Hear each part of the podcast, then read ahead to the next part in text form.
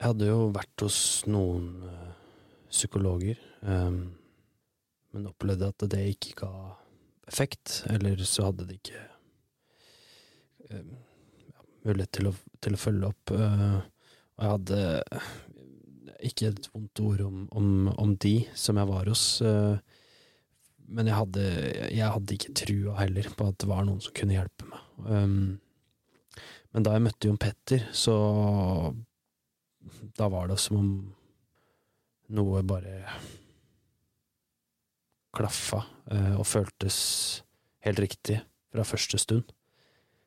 Og det jeg opplevde at han gjorde, var å lage et, et trygt rom uh, for meg, uh, som blei et fast holdepunkt. Og, og jeg skjønte fort at det jeg opplevde, det var ikke uvanlig, og, og det finnes en vei ut. Og jeg skjønte jo veldig fort at jeg var eh, inkompetent og hadde veldig lite forståelse og kunnskap om det med følelser og ja, hvordan forholde seg til, eh, til det. Jon Petter blei et fast holdepunkt øh, hvor jeg lærte ekstremt mye, og det var mye gråting. Eh, jeg skjønte jo at det ikke var noe å skamme seg over etter hvert. At det å gråte og bearbeide ting, det var helt nødvendig. Så det var mye tårer, eh, men det var mange søvnløse netter, og, det her gikk jo her, altså For min del så var det en lang prosess i forhold til å ja, få bearbeida det som hadde vært, da, og, og lære å, å, skjønne og forstå hvordan kroppen og hodet fungerer. Men jeg skjønte jo ganske kjapt at jeg var ja, rett og slett totalt utslitt og utbrent, og at jeg var tungt deprimert og full av angst, da. Eh, en utmattelsesdepresjon, eller ja, kall det, det mange, Man kan bruke mange ord om det.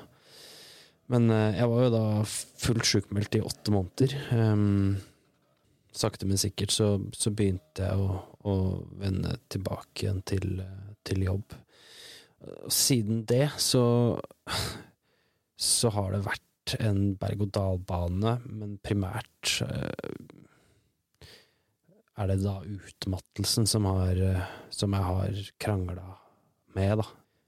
Men kroppen og hodet henger jo veldig sammen, så det er klart når man blir sliten, så selv om man da veit hva som skjer og, og, har masse kunnskap og forståelse, så gir det jo Det gir eh, angst, og det gir nedstemthet og tankekjør, og det her henger jo sammen.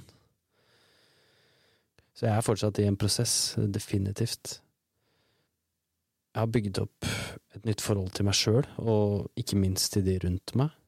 Og nå driver jeg egentlig og bygger opp kroppen. Og det er en prosess som jeg skjønner har Altså, det kommer til å ta tid, da. Det er fortsatt mye underliggende slitenhet og stress som skal absorberes. Um,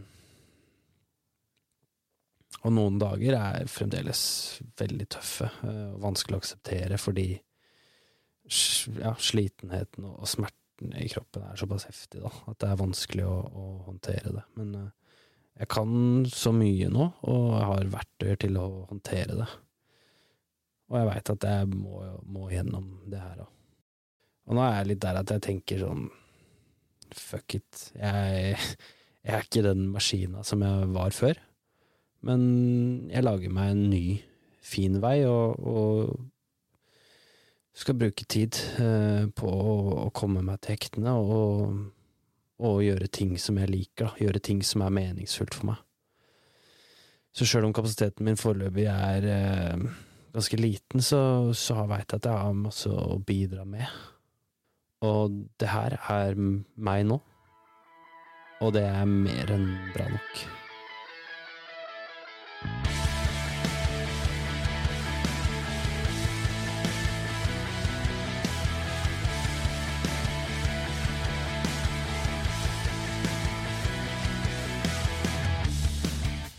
Tusen takk for at du har hørt på vår introserie. På nyåret kommer første episode av podkasten Trygt rom. Velkommen inn.